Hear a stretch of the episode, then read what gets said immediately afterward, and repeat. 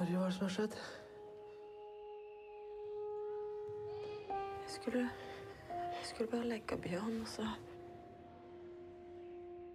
Og så kom jeg hjem fra håndballen, og Og så var hun bare vekk. I Blindsone møter vi på et filmunivers som er sjelden kost på kino. Det handler om selvmord og hvordan sinnslidelse kan ramme en familie gjennom flere generasjoner. Sentralt for handlingen står Maria, spilt av Pia Tjelta, som opplever det vi nesten ikke kan forestille oss, at hennes datter forsøker å ta livet av seg.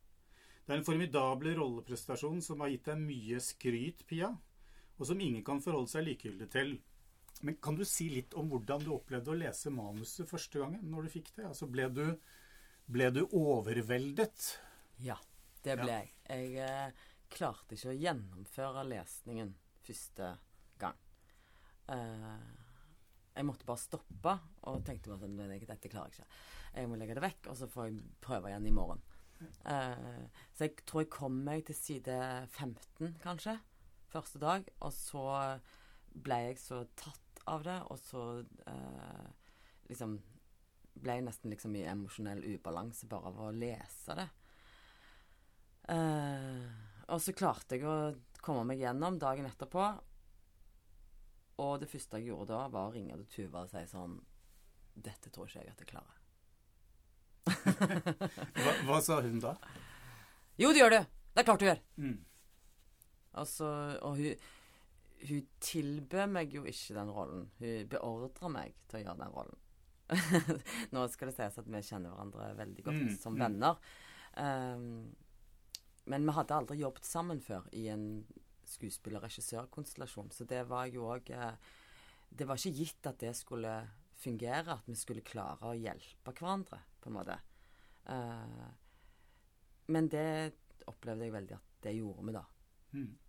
Du sa at du kjente henne. eh, Det hjalp nok litt. eh, Men, men så er hun også selv skuespiller. Ja.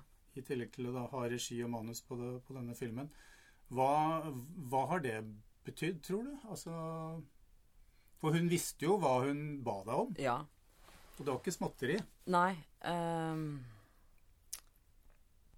Det betydde jo at hun i, i ganske stor grad kunne hjelpe meg, på en måte. Det betydde at hun uh, At hun kunne lese meg, på en måte, og, og lese veldig sånn hva jeg behøvde. Um, samtidig som hun ga meg en enorm frihet. Hun stolte liksom så ekstremt på meg. Uh, og i et sånt type arbeid så er det òg, iallfall for meg, ekstremt givende og viktig å få være medskapende i prosessen. Og det, det gjorde jo Tuva helt naturlig, på en måte. For hun vet jo det sjøl òg, hvor viktig det er Mm. uh, å både ha ha den friheten til å få utforske noe på egen hånd, samtidig som du opplever at du har en, en liksom sterk hånd i ryggen.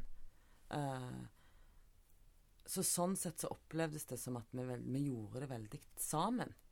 Uh, jeg følte meg aldri alene, uh, og jeg følte heller aldri at det var hun som bestemte hva jeg skulle gjøre. Skuespillere snakker ofte om at det ikke er nok tid til prøvetid på spillefilmer.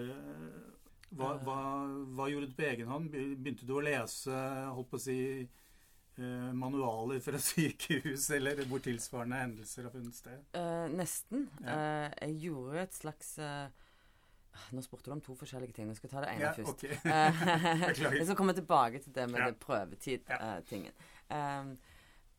men eh, jeg gjorde jo en slags sånn forskning på sorgarbeidet, på et vis, og på ulike former for sjokktilstand. Eh, det leste jeg mye om. Eh, og hadde veldig god veiledning av eh, Monica Smith, som eh, jobber i organisasjonen Leve. Mm. Eh, som jo er i møte med pårørende og etterlatte eh, konstant, som har det som jobb. Og hun stilte seg helt sånn fullstendig til min disposisjon. Jeg kunne få spørre henne om absolutt alt jeg ville. Eh, og i begynnelsen så var jeg liksom redd for å trø feil, fordi man har jo så enorm respekt for både den jobben hun gjør, og for de ulike traumene ordentlige folk har vært igjennom, på en måte. Mm. Eh, men så måtte jeg jo tenke som en skuespiller, på en måte. Jeg måtte jo nesten grafse eh, i, i, i hennes eh, Grafse med respekt, da. Mm, I, mm. i, det, I de tingene hun, kunne fortelle meg. Um, og da leide man jo etter andre ting enn bare det å bli fortalt en forferdelig historie, eller en um, Å bli fortalt om noens skjebne. Um, da leide man jo liksom litt jeg, jeg spør jo om ting som er liksom Som nesten kan virke uempatiske. Sant? Fordi at jeg leter etter, etter noe jeg kan gripe fatt i. Um, og noe som er ganske som er sånn konkret for meg som skuespiller, på en måte. Mm. Uh, så det var jo et type liksom sånn forskningsarbeid basert på liksom samtaler med henne. Um, så det gjorde jeg, men samtidig så var det jo når man vel da var i den situasjonen og skulle spille denne filmen i realtid på 98 minutter, så nytter det ikke å tenke. Sant? Det nytter ikke å ha eh, å nødvendigvis ha en eksakt uttenkt, kalkulert plan. Da handler det mer om å glemme alt. Mm. Eh, alt jeg hadde tilegna meg av liksom, kunnskap, i anførselstegn. Eh, og bare være 100 nærværende i situasjonen. Og la ting få komme som kom. Eh, og det var Tuva enormt flinke til. Eh, hun, hun pressa meg aldri. Eh, hun forventa ikke at jeg skulle eh, komme til et til en emosjonell plass eh, for å liksom levere en vare til henne, på en måte. Mm, mm. Eh, hun, hun var enormt flink til bare å Å la meg sjøl eh, Hva heter det eh, eh, Komme dit helt naturlig. Eh, og hun tok vekk veldig mye av det stresset som man ofte kan ha på film. Som er sånn Klar, ferdig, gå. Mm. Nå, nå skal du være der. Eh, gi meg et tilbud. Forstår du? Altså sånne, Mm, sånne mm. litt sånn misforståtte måter å regissere på. Mm. eh, som egentlig skaper stress hos en skuespiller, og som, eh, som egentlig bare bygger en eller annen form for redsel. At hvis du blir redd for ikke å få til å levere akkurat det eh, ja, og da går man liksom opp i Da blir man selvbevisste og går opp i litt sånn indre stress. Mens det Tuva gjorde, hun, hun sa at eh, hvis det ikke kom noen ting, så kommer det ingenting. Og det går helt fint, det òg. Eh, eh, og hun var, hun var interessert, like interessert, i de stedene der det ikke skjer så mye. Der ikke man eh, Man uttrykker enormt store eh, emosjonelle avgrunner, på en måte. Hun var òg interessert i alt det som lå imellom der. Og det ga meg en, en frihet, og det ga òg meg en Det tok vekk liksom den der redselen for ikke å få det til, for ikke å levere. For jeg visste at alt var OK. Uansett. Mm. Liksom i, i den situasjonen. Og det fikk bare lov til å bølge inn og ut av fokus av, uh, av ulike liksom emosjonelle nyanser, på en måte. Mm. Uh, Men så er det jo bruk av en spesiell teknikk her, altså en, en tagning, som Mm. det heter. Altså, uh, hvordan Var det bare business as usual, eller, eller gjorde, stilte det deg overfor litt andre krav? Altså, Det var, var- det en sånn, var det litt stressende? Det var absolutt ikke business as usual. Uh, det krevde en konsentrasjon og et fokus fra alle involverte som jeg aldri har opplevd før. Mm. Uh, det skapte jo en nerve på hele settet som gjorde at alle sto litt på tærne. Alle hadde liksom eh, øyne og ører i nakken. Eh, det lagde en konsentrasjon eh, og et enormt sånn hellig rom. Eh, som jeg opplevde egentlig at tjente prosjektet på et vis. Mm. Fordi at den nerven behøvde vi. Men så var det jo klart at det var jo mulig at enormt mange tekniske ting kunne gå galt. Eh, og det gjorde det. Mm, mm. Eh, um, og for min del så handler det jo veldig mye om en type eh, nærhet til Jonas, fotografen. Mm. Eh, om hele veien å fysisk forholde meg til han. Eh, aldri være mer enn en meter ifra han. Heldigvis er han òg 1,60 høy, så han var akkurat like høye. Eh, sånn at det, når meg og han skulle gå ganske smooth inn i en bil, f.eks., så krøyp han inn før meg. Og hvis han hadde vært liksom to meter høy, da, så hadde det blitt mer eh, en, en, større rigg da, å få til. Mm. Um, Altså Det er jo en intimitet var- mellom skuespiller og filmfotograf som man ofte ikke tenker på. Ja. Men, men, men det er det jo i veldig stor grad. ja, og det var en veldig eh, Det var jo nesten en sånn koreografisk nærhet til Mm. han, på en eller annen måte. eh, som en, en eller annen form for dans Mm. med han. Eh, og at jeg måtte kjenne han av hele veien, eh, eller sense hvor han var, eh, og hvor han flytta seg, uten å på en måte egentlig Egentlig ha bevisstheten min der, da, hvis du skjønner. Det, det er jo begrensa hva man kan be en skuespiller fortelle om hvor man henter eh, hva skal vi si emosjoner og altså følelser til en rolle. Mm. Altså, men hvor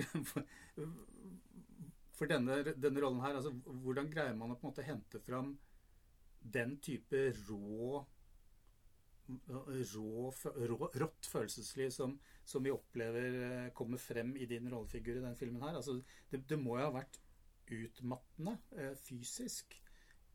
For det er som du sa i stad, altså man knipser ikke, og så er man der. Nei. Um, Jeg vet ikke hvor mye du kan si om det. Det, er kanskje, kanskje vanskelig å si noe om det. Jeg, Ja, så du For at eh, Ja, det var emosjonelt utmattende. Ja. Eh, jeg var ganske knust etter, etter en dag. Eh, men hvor jeg henter det henne Altså, det er jo Man henter det jo på en eller annen måte fra det som er sant, Mm. på et vis. Og, og jeg tror jeg liksom jobbet ganske mye òg med å liksom la meg fylle av mine egne barn, på en måte. Eh, altså det å være mor, det er jo noe du er 24 timer i døgnet. Du er det hvert minutt, hvert sekund av døgnet, så er man mamma. Eh, det er ikke noe man liksom Man kommer ikke unna den eh, den rollen, på en måte. Mm. Eh, og den innebærer jo ekstremt mye uh, både følelser og kraft. Uh, og alle nyanser av, av det òg. Det er et vanskelig spørsmål, fordi at det på en måte så Det er liksom et teknisk forløp. Mm. Uh, det er en, en emosjonell bue i forløpet. Det er en eh, en fysisk løype. Alt det der forholder jeg meg til som skuespiller. sant? Den overhengende eh, fortellingen, på en måte. Og så er det alt det der inni der. Alt det mellom der. Eh, der kunne jeg jo på en måte ikke bestemme meg sånn som du kan på teater, f.eks. Så kan du Mm, mm. bestemme deg for akkurat den lille sekvensen der. Det er det, det, da spiller jeg det. I neste sekvens så snur vi, så spiller vi det. Eh, altså, der kan man dissekere en tekst ned til, til den aller, aller minste lille mm, eh, nyanse, på en måte. Og så kan man ta valg, og så kan man få trene seg på de valgene i åtte uker før man møter publikum. Mens her måtte jo de valgene Altså, valgene kunne ikke tas på samme måte, selv om jeg jo hadde i, i, inni meg, på en måte, så hadde jeg jo noen overskrifter. At jeg visste at i den sekvensen så er det det som er min som er, Så er det det jeg skal spille. I neste sekvens er det det. Og, så, og innenfor der Innenfor det Mm. Bakom alle de Den store, overhengende liksom buen til Maria og til filmen, på en måte, så, så handler det jo mest om å være akkurat her og nå, på en Mm. måte. Mm. Og inget annet sted. Eh, og, og, og glemme det jeg eventuelt hadde planlagt på forhånd, på en måte. Eh, og det jeg hadde tenkt. Så det handla jo om å slippe tanken, sånn at det ikke kom over som noe tenkt. Mm. Men som at det kunne liksom ikke helt spille det heller. Måtte jo leve det. Mm. Altså Gjennomleve det, da. Altså, du har jo spilt eh, hva skal vi si, lignende rollefigurer før. Altså, det, altså å gå så inn i på en måte det mørke. Eh, du har jo på en måte hatt erfaring eh, fra, fra f.eks. 90 minutter med det, til en viss grad. Altså, en, der er også en traumatisert kvinne eh, på en litt annen måte. Mm. Eh, te, tenkte du noensinne på den, den filmen når du gikk inn i denne rollen her? Nei. Var det, nei. Nei. Eh, Det er jo noen likhetstrekk. ja, men man begynner jo alltid helt på null Ja. i ethvert Mm. prosjekt man går inn i. Um, jeg kan jo kanskje sånn se i ettertid at uh, begge de karakterene på en måte hadde Hadde et utgangspunkt som var å ha the wrong idea about the future, på en Mm. måte. Nettopp det å, å ikke vite hva som skal komme. Uh, og det er jo noe man trener seg på hele veien som skuespiller, eh, både på scene og på film. Uh, å gå inn i en scene uten å vite hvor scenen skal ende. Mm. Eh, altså som at selv om Pia vet det, så må ikke karakteren min vite hvor vi skal hen. Eh, der må det finnes en åpenhet og en nysgjerrighet og en overraskelse i Og en undring over hva kommer nå? Hva skjer nå? Mm. Oi, hvorfor gjør han det? Hvorfor sier han sånn? Eh, altså, eh, hva betyr det? Eh, alle de på en måte tankene må svirre i mitt hode like mye som i karakterens hode. Eh, og det er jo ofte det som er litt sånn vrient, da. Mm. Du har jo spilt eh, tragiske kvinneskikkelser bl.a. i teatret. Elektra er jo en eh, altså gresk heltinne fra, altså fra gresk, de greske store tragediene. Men, men det er kanskje forskjellen på teatret og film, spillefilm, er at man har en del sterke, klassiske kvinnefigurer i teatret. I, I spillefilmen så har det jo det vært en diskusjon over mange, mange år. Altså når kvinner runder 40, så blir det på en måte snevrer det seg inn. Men i høst så ser vi en rekke filmer med, med markante Mm. kvinnelige hovedroller. Altså 'Blindsone 1', 'Phoenix', 'Battle'. Mm. Eh, hva tror du om det? Altså, er det Og en affære. Og Å, ja. Sonja Hennie. Sonja Hennie også, Ja. nærmere jul. Mm. Er det, er det noe som skjer? Se, altså, er det tegn på bedring? Større variasjon?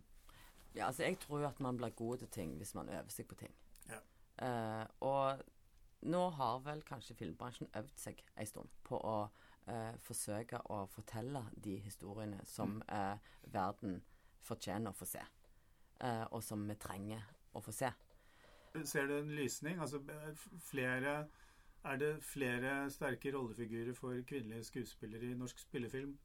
Det kan virke sånn Ja, i høst, i Men hvert det fall. er det. Denne, det, eh, det beviser jo denne høsten. Mm, At mm. når det er lagt ned et arbeid for å uh, for, uh, Når det er lagt ned et arbeid for å uh, gjøre noe med det, Mm. det som man har etterlyst, det som man har lengta etter, Mm. så bærer jo det arbeidet frukter. Og det får vi se nå. Mm. Uh, og jeg er kjempetakknemlig og glad for at man faktisk får se uh, kvinnelige portretter på film uh, som har levd et liv, og som har en Som kan fortelle historier som vi, som jeg, som er 40 år, kan identifisere meg med. Mm. Og så er du også aktuell i en av de store TV-seriene som kommer i løpet av høsten. Eh, Lykkeland. Ja. Som tar for seg eh, din hjembys eh, eh, gryende oljealder på, på 60-70-tallet. Mhm. Hva kan du si om den? Hva slags rolle har du der? Jeg syns det er et helt fantastisk prosjekt. Mm. Eh, det er et av de må jo være spesielt i og med at det er din, det er din hjemby. Det er liksom røttene også. Det er selvfølgelig spesielt, men det som er kanskje er mest spesielt, er jo òg eh, Mette Bølstad sitt manus. Mm. Som er et så gjennomarbeida stykke arbeid at eh, du nesten eh, må gå i bro over hva Altså hennes genialitet eh, og hennes grundighet. Mm. Eh, det er et av de aller beste manusene jeg har lest noen gang. Eh, det er et manus jeg var livredd for å fucke opp, fordi det er så godt skrevet. Eh, og når vi begynte å jobbe med scenene til Mette, så rommer de enda mer enn det vi hadde trodd i utgangspunktet. Og jeg tror jeg kunne det manuset på rams opp og ned og i mente, og hadde lest det så mange ganger. Allikevel, når vi da sitter i rommet sammen med Petter Ness eh, og de andre skuespillerne, så rommer hennes scener enda mer. Mm. Helt sånn på kryss og på tvers eh, av relasjoner. Og det, det hun har greid å gjøre, er jo ikke bare å skape en historie om eh, Om en Altså et, en by, et land sitt fall og eh, gjenreisning, på en måte. Hun har òg klart å skape en så medmenneskelig fortelling. Eh, og at man kommer så tett innpå de menneskene som det faktisk hadde så store omkostninger for. Eh, og det er ekstremt spennende, og det har man sett veldig, visste jeg, veldig lite om. Og det lærer man ikke om på skolen. Mm. Eh, selv om man blir fortalt historien om oljeeventyret og hva som skjedde, og når de fant olja, og, eh, og hva det har hatt å si for oss, så har jeg liksom I den store, episke fortellingen så har hun klart å skape en fortelling med et medmenneskelig, relasjonelt drama som er Som var ekstremt gøy å få spille. Og jeg spiller rederfru Ingrid Nyman, eh, som er privilegert og bemidla, og alltid har vært det. Eh, og som står foran et stort, uh, djupt fall, og som takler det ekstremt dårlig. Dette var en veldig god reklame nå. Nå fikk jeg veldig lyst til å se den. Men eh, tusen takk for at du kom hit til meg. Takk For at jeg fikk komme her. Endelig til. Rushprint. Ja. ja.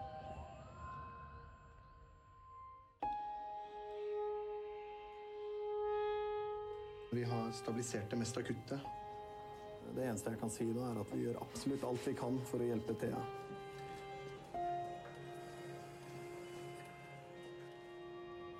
Hatt det bra, jeg. Thea har hatt det bra.